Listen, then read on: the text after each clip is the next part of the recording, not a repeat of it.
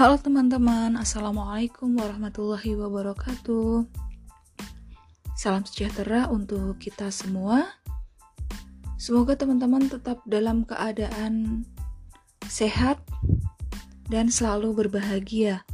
Hari ini kita akan membahas terkait dengan perkembangan manusia. Pada mata kuliah psikologi umum mungkin pembahasan terkait perkembangan manusia ini tidak akan sedetail nanti ketika teman-teman di mata kuliah psikologi perkembangan. Jadi, eh, materi ini akan teman-teman pelajari lebih detail di mata kuliah psikologi perkembangan. Baik, eh, kita lanjut ke slide yang kedua perkembangan. Perkembangan itu apa sih?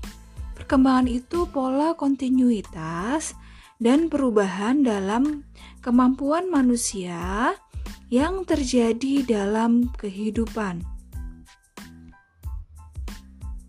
Jadi pola kontinuitas dan perkembangan uh, dan perubahan manusia baik itu secara fisik, baik itu secara kognitif atau sosio-emosional itu yang di namakan dengan perkembangan.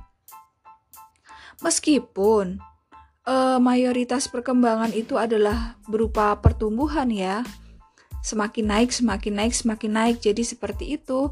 Namun kita, eh, di psikologi perkembangan ini juga akan membahas terkait dengan penurunan. Nah, penurunan ini nanti akan kita lihat di mulai masa dewasa tengah sampai masa dewasa akhir. Nah, nah dalam hal ini mungkin kita akan membahas sampai masa remaja. Nah, teman-teman, perkembangan manusia itu meliputi tiga hal: fisik, kognitif, dan sosio-emosional. Fisik itu terkait dengan apa sih? Fisik itu terkait dengan hal-hal biologis yang ada di dalam diri kita. Misalnya berat badan, tinggi badan, hormon-hormon mulai aktif, akhirnya eh, misalnya di masa remaja mulai tumbuh jakun dan lain-lain itu adalah pertumbuhan fisik atau perkembangan secara fisik. Kemudian kognitif itu terkait dengan cara berpikir. Sedangkan sosio emosional atau sos, maaf sosio ya, sosio emosional itu terkait bagaimana sosial dan emosional seseorang. Nah, eh, perkembangan ini ada yang bersifat jadi hal-hal yang mempengaruhi perkembangan itu ada dua yaitu yang bersifat natur dan nutur. Apa bedanya natur sama nutur? Teman-teman pasti tahu ya, natur itu alami gitu. Nah, sedangkan nutur itu dia terkait dengan lingkungan.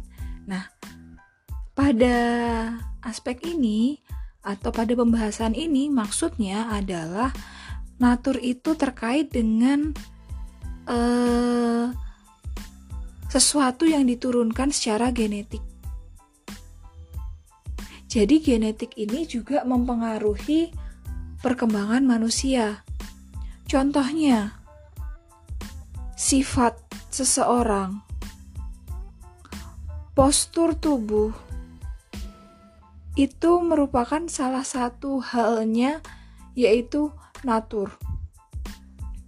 Bu, apakah uh, ada nggak sih postur tubuh yang karena nutur ada. Jadi misalnya karena lingkungan, misalnya eh, di lingkungannya tidak tersedia gizi yang baik. Nah, itu bisa jadi itu nutur.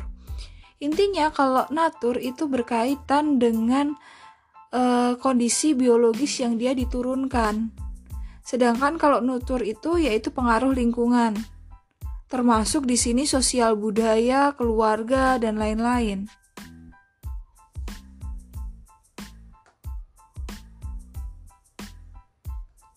Selanjutnya yaitu terkait dengan perkembangan fisik.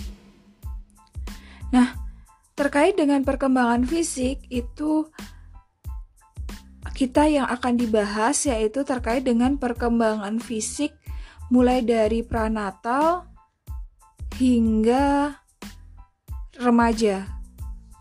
Nah, pada masa pranatal sebenarnya eh, perkembangan janin itu dibagi menjadi tiga, yaitu di masa periode genital, eh, masa periode embrio, dan masa maaf, maksudnya di sini periode germinal, periode embrio, dan periode vental. Nah, periode germinal itu e, biasanya usia 1 sampai 2 minggu, dimulai dari e, pembelahan sel sampai sel itu melekat di uterus. Jadi kan ketika sel telur itu dibuahi, kemudian dia akan uh, dia membelah. Oke, kemudian dia kan akan dibawa ke uterus yang kemudian akan menempel ke uterus dan kemudian dia berkembang menjadi embrio. Nah, embrio ini mulai pembentukan bagian-bagian tubuh. Nah, kemudian eh, kemudian ada periode vental yaitu janin itu mulai bergerak. Nah, untuk lebih lanjutnya kalian bisa uh, lihat di YouTube-nya Psikologi Universitas Muhammadiyah Magelang. Di situ ada uh, karya dari kakak tingkat kalian yang menjelaskan video yang menjelaskan tentang veri, uh, periode pranatal atau sebelum lahir. Nah, kemudian uh, kita mulai dari masa bayi.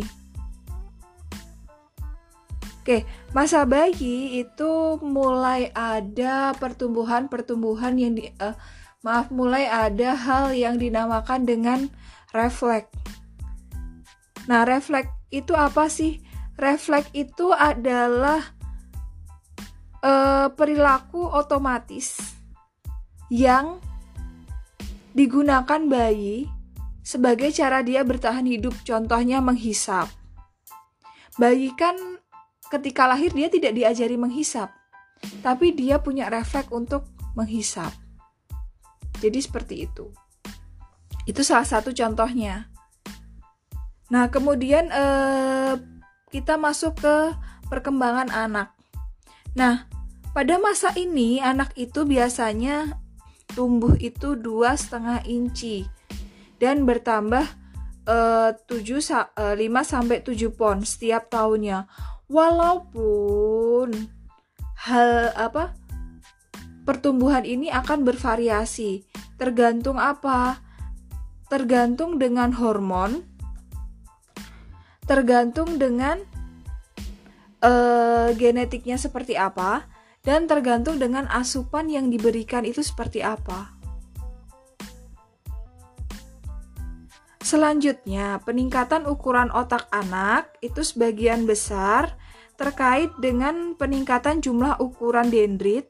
Teman-teman kemarin belajar ya dendrit uh, di perkembangan biologi uh, manusia. Kan ada dendrit, kemudian ada yang nam adanya myelin.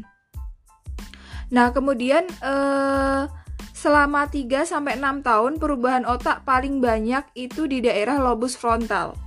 Jadi lobus frontal lobe. Jadi eh 3 sampai 6 tahun itu penyempurnaan di lobus frontal lobe sehingga nanti umur 6 tahun ke atas itu anak-anak itu mas eh, semakin bisa mengingat jangka panjang. Jadi kan ada yang misalnya umur uh, kegiatan kalian di umur 2 tahun. Mungkin ada yang benar-benar lupa dengan uh, kejadian tersebut, tapi ada juga yang ingat. Tapi sangat sedikit sekali seseorang yang bisa mengingat di umur 3 tahun ke bawah. Kenapa? Karena uh, lobus frontalnya dia belum terbentuk secara sempurna.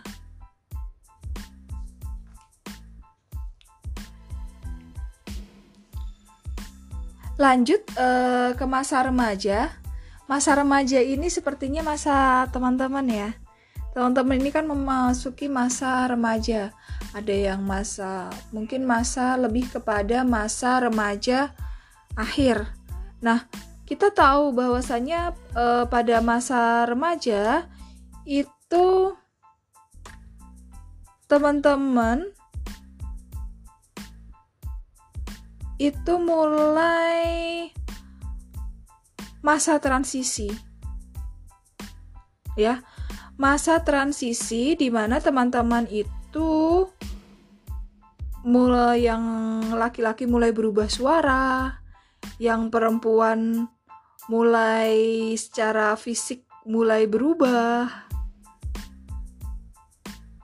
Nah, kemudian uh, dan termasuk pada masa ini hormon-hormon seksual itu dia mulai aktif. misalnya hormon ekstradiol. Jadi eh, kenapa sih ketika teman-teman mau eh, atau perempuan itu PMS itu dia dari kucing berubah menjadi singa gitu ya. Ya karena hormon ekstradiolnya dia naik. Nah, ketika hormon ekstradiol dia naik, itu yang ada memacu uh, kondisi fisik untuk secara emosi itu bergejolak. Jadinya banyak yang cewek-cewek PMS itu nggak ada apa-apa, tiba-tiba nangis sendiri, tidak ada apa-apa, galak-galak sendiri, bawaannya ingin uh, uring-uringan gitu. Termasuk kalau uh, laki-laki itu hormon testosteronnya dia mulai uh, aktif. Jadi masa remaja ini uh, seorang remaja itu ketika dia misalnya terjerat dalam hubungan um, maksudnya dia seks bebas itu seorang laki-laki sudah bisa membuai seorang perempuan dan seorang perempuan sudah bisa hamil. nah, nanti tergantung kematangan dari uh, hormon seksual dari laki-laki dan perempuan. Selanjutnya yaitu terkait dengan uh, perkembangan kognitif. Sebenarnya di kognitif ini ada dua dua apa ya dua teoritikus yang biasanya dipakai dalam psikologi perkembangan yaitu Jean Piaget atau Piaget kemudian Vygotsky. Nah, tapi yang akan kita pelajari hari ini yaitu ter terkait dengan teorinya Piaget. Kenapa sih? Karena teori Piaget ini sering sekali digunakan di eh, teori-teori uh, perkembangan. Jadi Piaget ini dia meneliti anaknya sendiri dari anaknya itu bayi sampai uh, anaknya itu remaja. Jadi uh, salah satu kelemahan dari teori Piaget ini yaitu dia tidak membahas tentang perkembangan di dewasa akhir atau dewasa tengah. Jadi uh, salah satu kelemahannya itu. Jadi dia tidak membahas bagaimana secara kognitif seorang lansia itu tidak dibahas di teorinya Piaget. Oke, kita lanjut ya. Yang pertama yaitu di teorinya Piaget itu masa sensorik motorik. Itu biasanya umur 0 sampai 2 tahun. Nanti kalau teman-teman e, melihat di buku yang berbeda, itu memang beberapa buku itu berbeda-beda dalam patokan umur.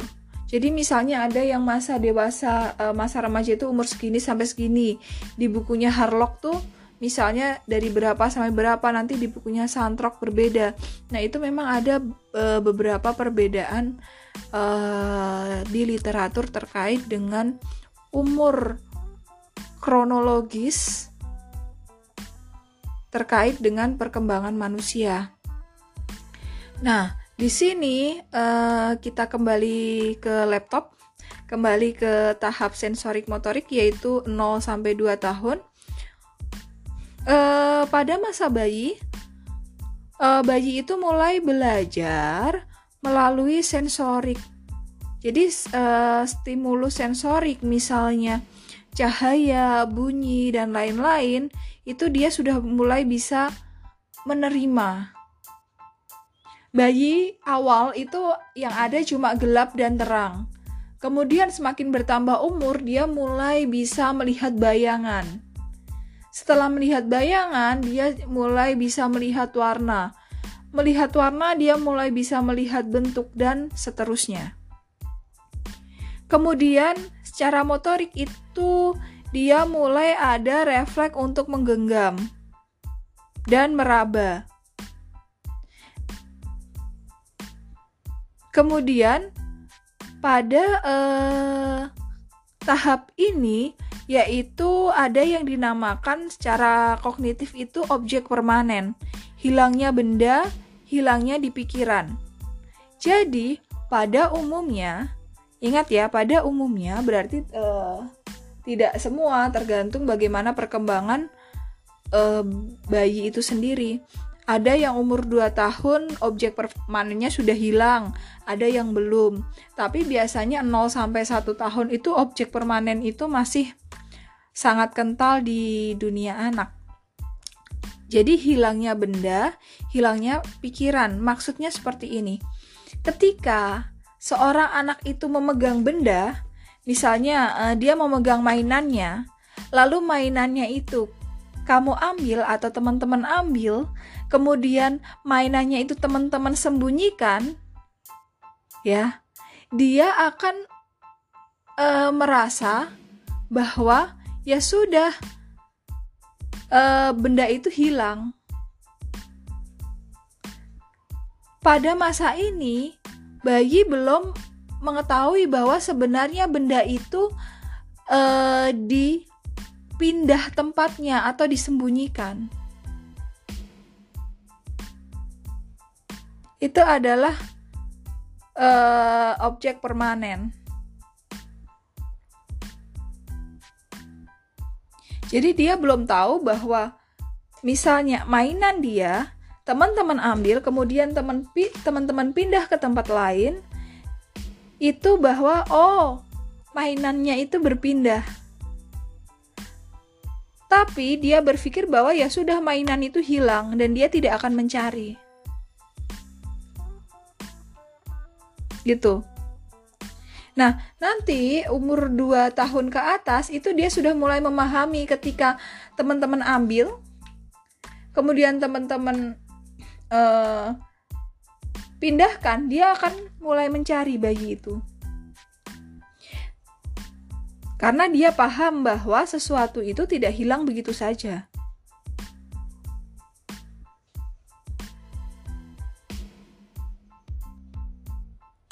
Selanjutnya, masuk ke tahap praoperasional, yaitu 2 sampai 7 tahun. Jadi pada masa ini itu mereka mulai dapat menggunakan simbol untuk mewakili dunianya. Nah, e, pada masa ini itu animisme itu juga ada di dalam diri individu. Jadi kalau kalian melihat anak umur 2 tahun ke atas itu sering main-main kemudian dia ngobrol, ngomong gitu ya. It, uh, dan dia merasa bahwa uh, benda benda mati itu sebagai sesuatu yang hidup. Dia ajak ngobrol yang namanya boneka. Dia ajak ngobrol yang namanya pensil. Dia merasa bahwa dia punya teman sepermainan. Nah itu pada masa-masa ini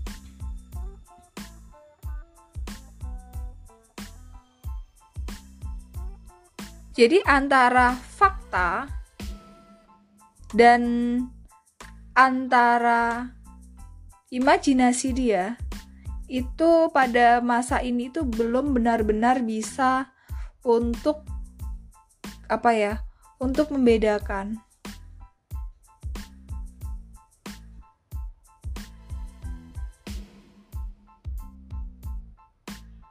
Nah, kemudian pada masa ini itu ada yang dinamakan dengan egosentrisme. Egosentrisme itu tidak uh, ketidakmampuan untuk membedakan antara pendapatnya sendiri dan pendapatnya orang lain. Jadi eksperimennya seperti ini.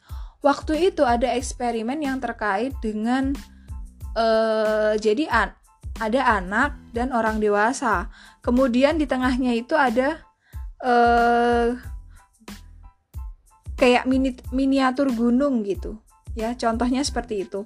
Kemudian orang dewasa itu bertanya, "Apa yang kamu uh, menurutmu apa yang saya lihat?" Anak itu mengatakan bahwa jadi e, misalnya di depan anak itu itu ada pohon, kemudian ada sawah, kemudian ada Pak Tani. Nah, sedangkan di sisi sana yang dilihat oleh orang dewasa itu misalnya ada e, rumah, kemudian ada pohon dan ada bunga misalnya misalnya. Nah, anak itu ketika ditanya, apa yang saya lihat, e, menurutmu apa yang saya lihat, dia akan mengatakan apa yang dia lihat, bukan apa yang orang lain lihat. Dia akan mengatakan, aku tahu apa yang kamu lihat, yang kamu lihat mesti ada Pak Tani, ada pohon, ada sawah. Padahal itu yang anak kecil itu lihat, bukan orang dewasa itu lihat.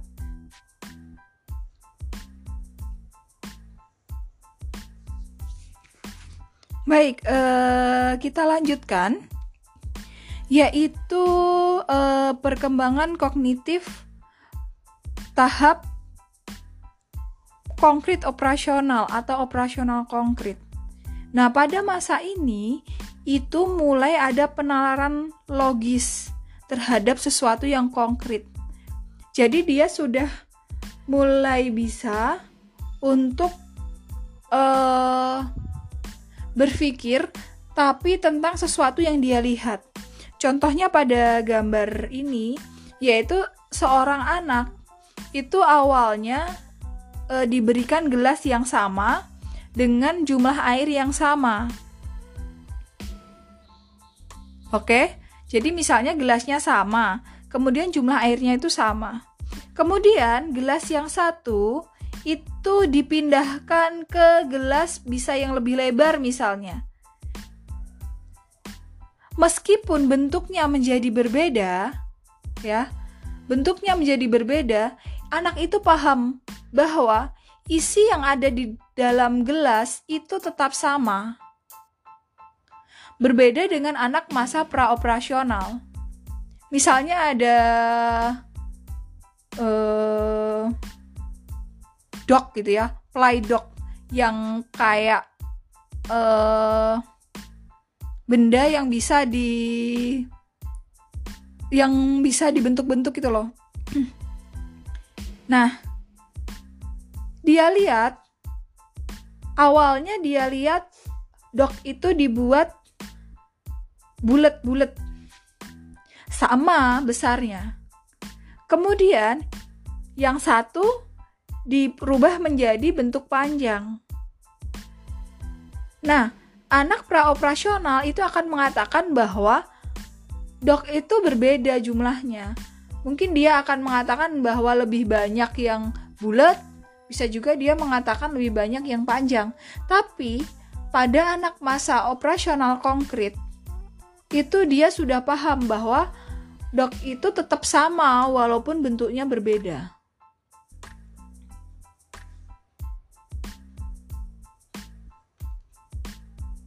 Jadi begitu. Selanjutnya teman-teman, kita masuk ke masa operasional formal. Nah, masa operasional formal ini adalah masa teman-teman saya yakin teman-teman ini sudah masa operasional formal. Jadi eh, pada masa operasional formal ini seseorang itu sudah bisa berpikir abstrak. Contoh berpikir abstrak. Ketika ada masalah, kemudian teman-teman saya minta untuk menganalisis, teman-teman sudah bisa. Walaupun masalah itu tidak diperagakan secara konkret. Atau misalnya saya tanya kepada teman-teman, eh cara membuat uh, membuat kue itu seperti apa sih? Tanpa teman-teman melihat video ketika teman-teman itu sudah bisa uh, waktu maksudnya sebelumnya teman-teman sudah bisa membuat kue, teman-teman akan bisa untuk merancangnya.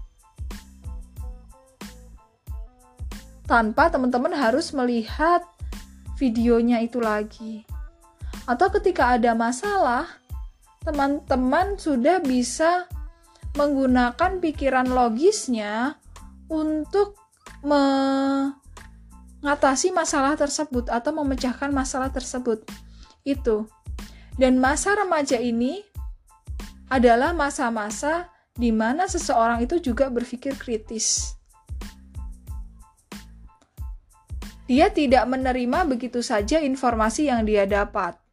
Jadi misalnya ada berita, idealnya seorang remaja itu nggak harus nggak langsung oh beritanya kayak gitu toh, tapi dia akan uh, mencoba untuk melihat atau mempertanyakan bener nggak sih dia seperti itu? Nah, yang kayak gitu. Itu masa remaja, dia berpikirnya sudah logis dan dia idealis. Ini nanti yang akan membedakan masa dewasa. Dewasa itu ada sisi idealisnya, tapi tidak seperti remaja. Makanya remaja itu kan banyak yang sangat keras kepala, banyak yang dia itu serba nggak kebenaran. Nah, itu karena dia memiliki idealis-idealis tertentu yang itu menurut remaja harus tercapai.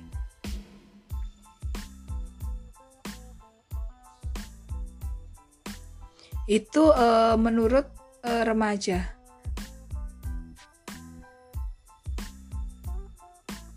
Selanjutnya, kita masuk ke uh, socio-emosional Erikson. Nah, berbeda dengan Piaget, Erikson ini membahas sosio-emosional dari masa bayi sampai masa lansia. Nanti teman-teman bisa membaca lagi terkait dengan perkembangan Piaget dan Erikson. Nah, pada masa pertama yaitu ada mistrust versus, eh, trust versus mistrust. Jadi percaya versus ketidakpercayaan. Kapan sih uh, kepercayaan itu berkembang? Kepercayaan itu berkembang itu ketika seorang pengasuh entah itu ibunya, entah itu bapaknya, atau entah itu pengasuh yang lain, itu dia memperhatikan bayi tersebut dan dia memenuhi kebutuhan bayi tersebut. Jadi misalnya bayi itu menangis, kemudian seorang tua apa orang tua atau pengasuh itu memberikan kenyamanan kepada bayi, memberikan keamanan kepada bayi. Misalnya bayi itu lapar, dia memberikan makanan kepada bayi. Itu akan menumbuhkan rasa kepercayaan kepada seseorang. Nah, ada yang namanya mistrust. Mistrust itu ketika bayi itu diabaikan, diperlakukan tidak baik, misalnya dia lapar, kemudian ibunya nanti aja lah, dia sampai nangis kejer-kejer lah nanti aja lah, atau malah justru dia tidak dipenuhi. Itu menimbulkan perasaan tidak aman uh, pada bayi dan menumbuhkan perasaan mistrust atau ketidakpercayaan bayi kepada pengasuhnya.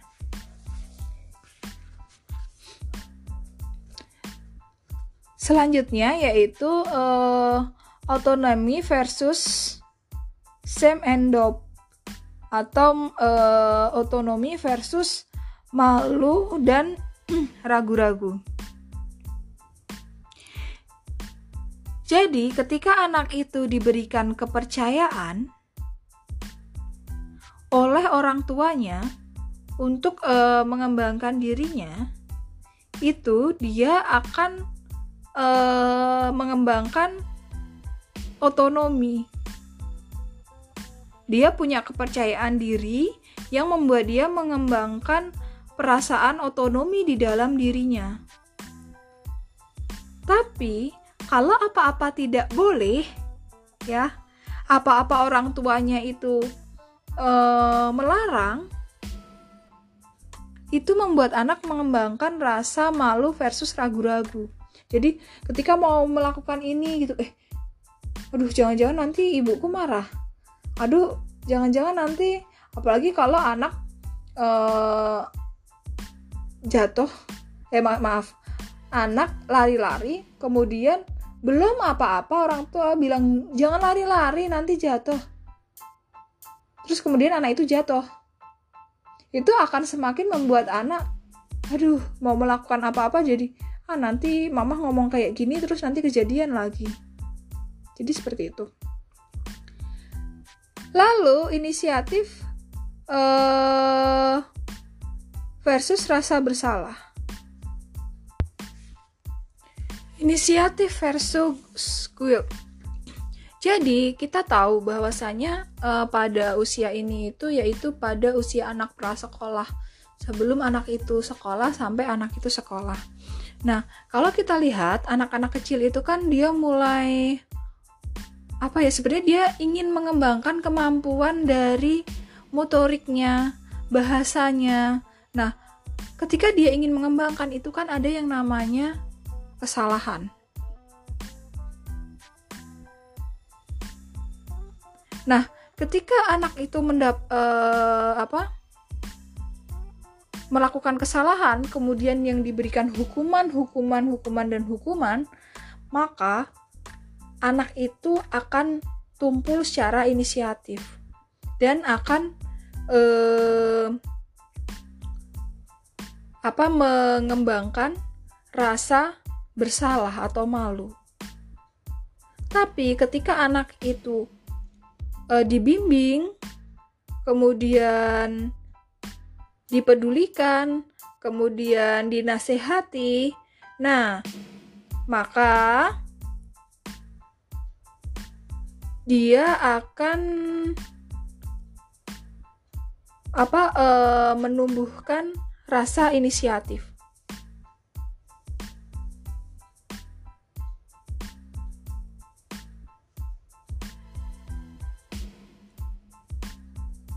Jadi sebenarnya anak itu butuh untuk dia itu dibimbing. Agar apa? Agar inisiatifnya juga terkontrol, tapi dia juga jangan diberikan hukuman, hukuman, hukuman. Yang ada nanti anak menjadi uh, kepercayaan diri dia menjadi rendah, akhirnya jadi malu. Selanjutnya yaitu industri versus in, inferiority atau inferioritas atau rendah diri. Jadi uh, uh, pada umur 6 tahun 6 sampai 12 tahun itu anak mulai bersosial. Sosialnya itu mulai lebih luas dibandingkan sosialnya pada masa anak-anak. Kenapa? Karena di pada masa ini itu anak-anak kan mulai bersekolah anak-anak mulai bermain dengan temannya. Kalau sebelumnya mungkin anak-anak lebih banyak dengan keluarganya. Nah, dukungan orang tua dan guru tentang perasaan uh, kompeten dan percaya diri terhadap suatu pencapaian atau terhadap sesuatu pengalaman yang baru itu sangat penting. Jadi, uh, ketika anak itu gagal, kemudian uh, merasa tidak produktif, merasa dia rendah, itu dia akan timbul rasa inferioritas atau rendah diri. Tapi kalau dia berhasil untuk membangun kompetensinya, dia memiliki uh, apa pengalaman yang baru dan dia berhasil untuk uh, apa berhasil untuk melalui tantangan yang ada di dalam hidupnya, itu dia akan timbul rasa tekun atau industri.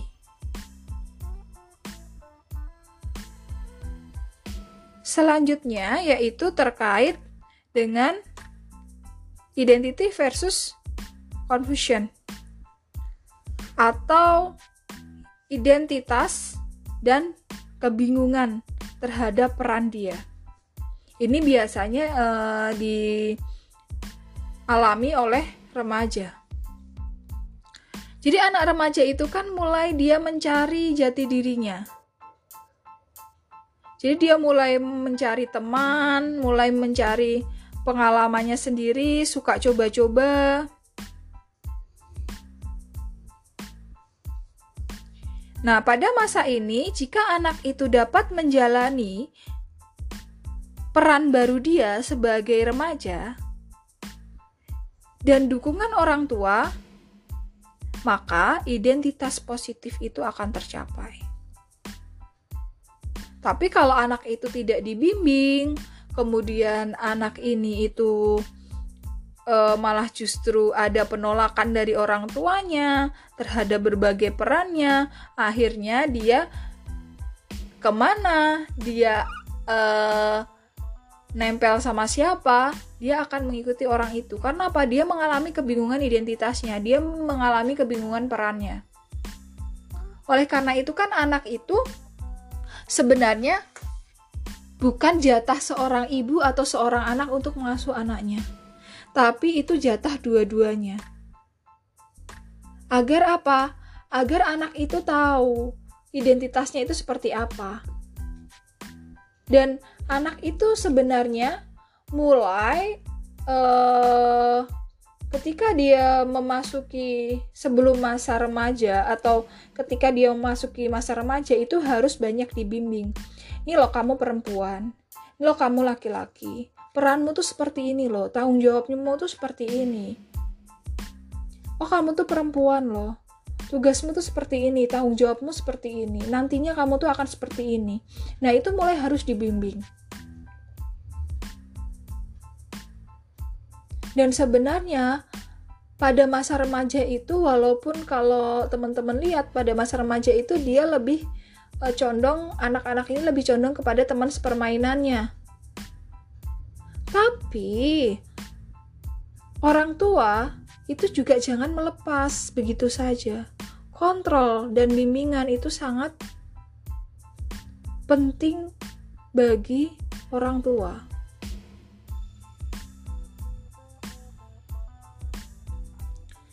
Kita lanjut ke intimasi versus isolasi atau keintiman versus isolasi. Pada masa dewasa awal, itu orang itu mulai ingin membangun hubungan dekat atau intim kepada orang lain. Nah, ketika dia mampu untuk e, membangun hubungan dekat atau hubungan intim atau hubungan yang sangat erat dengan orang lain untuk mencurahkan rasa cinta dan kasih sayangnya, maka dia e, mengembangkan intimasi. Nah, dalam hal ini, pribadi itu penting untuk mengembangkan hubungan yang sehat. Jadi bukan berarti ketika kita menjalin apalagi eh, masa-masa e, dewasa awal ya, itu masa-masa sedang bergejolak dan lain-lain. Nah, di sini hubungan yang sehat itu merupakan hal yang sangat penting bagaimana kita membangun hubungan yang sehat dengan orang lain. Nah, ketika seseorang ini tidak mampu menjalin hubungan, kemudian dia e, dikucilkan dan terasing, maka yang akan timbul yaitu isolasi. Isolation dia merasa bahwa dirinya itu terasing, dia merasa orang-orang tidak menerima dia, dia tidak mampu menjalin hubungan dekat dengan orang lain.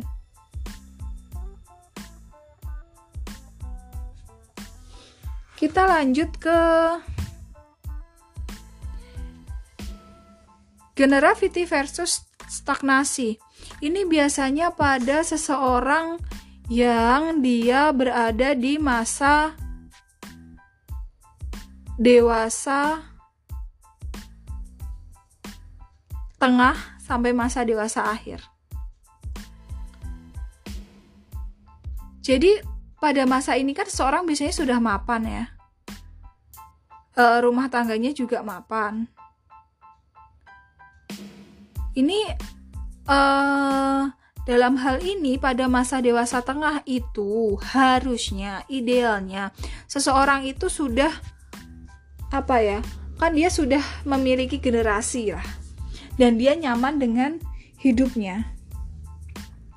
Nah, ketika dia sudah nyaman terhadap hidupnya, dia sudah bisa menerima masa lalu-masa lalunya, itu dia akan menurunkan hal uh,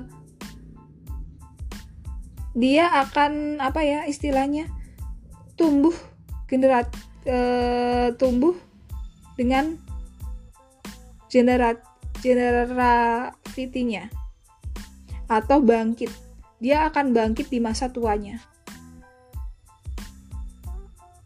Karena apa? Dia sudah merasa bahwa oh hidup hidup yang dia lalui itu seperti itu dan dia puas dengan kehidupan sebelumnya.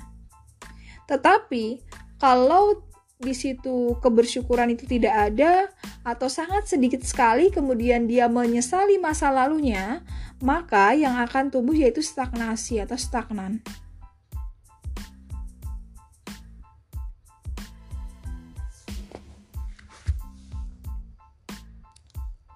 Sel selanjutnya yaitu integrity versus despair atau integritas dan keputusasaan.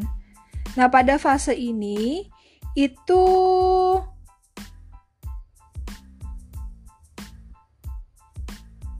ketika seseorang itu terselesaikan eh, hal-hal uh, yang ada di masa lalunya, maka dia akan menumbuhkan sifat integritas. Tapi kalau dia gagal, dia akan uh, apa menumbuhkan keputusasaan. Ini berhubungan dengan yang di atas. Bagaimana dia melihat masa lalunya dia kalau dia merasa mantap, dia akan menjadi orang yang atau dia merasa bahagia, dia bersyukur, dia akan lebih bijaksana. Tetapi kalau gagal, dia akan ada keputusasaan. Seperti itu. Baik, teman-teman, uh, sampai sini silahkan jika ada yang mau didiskusikan.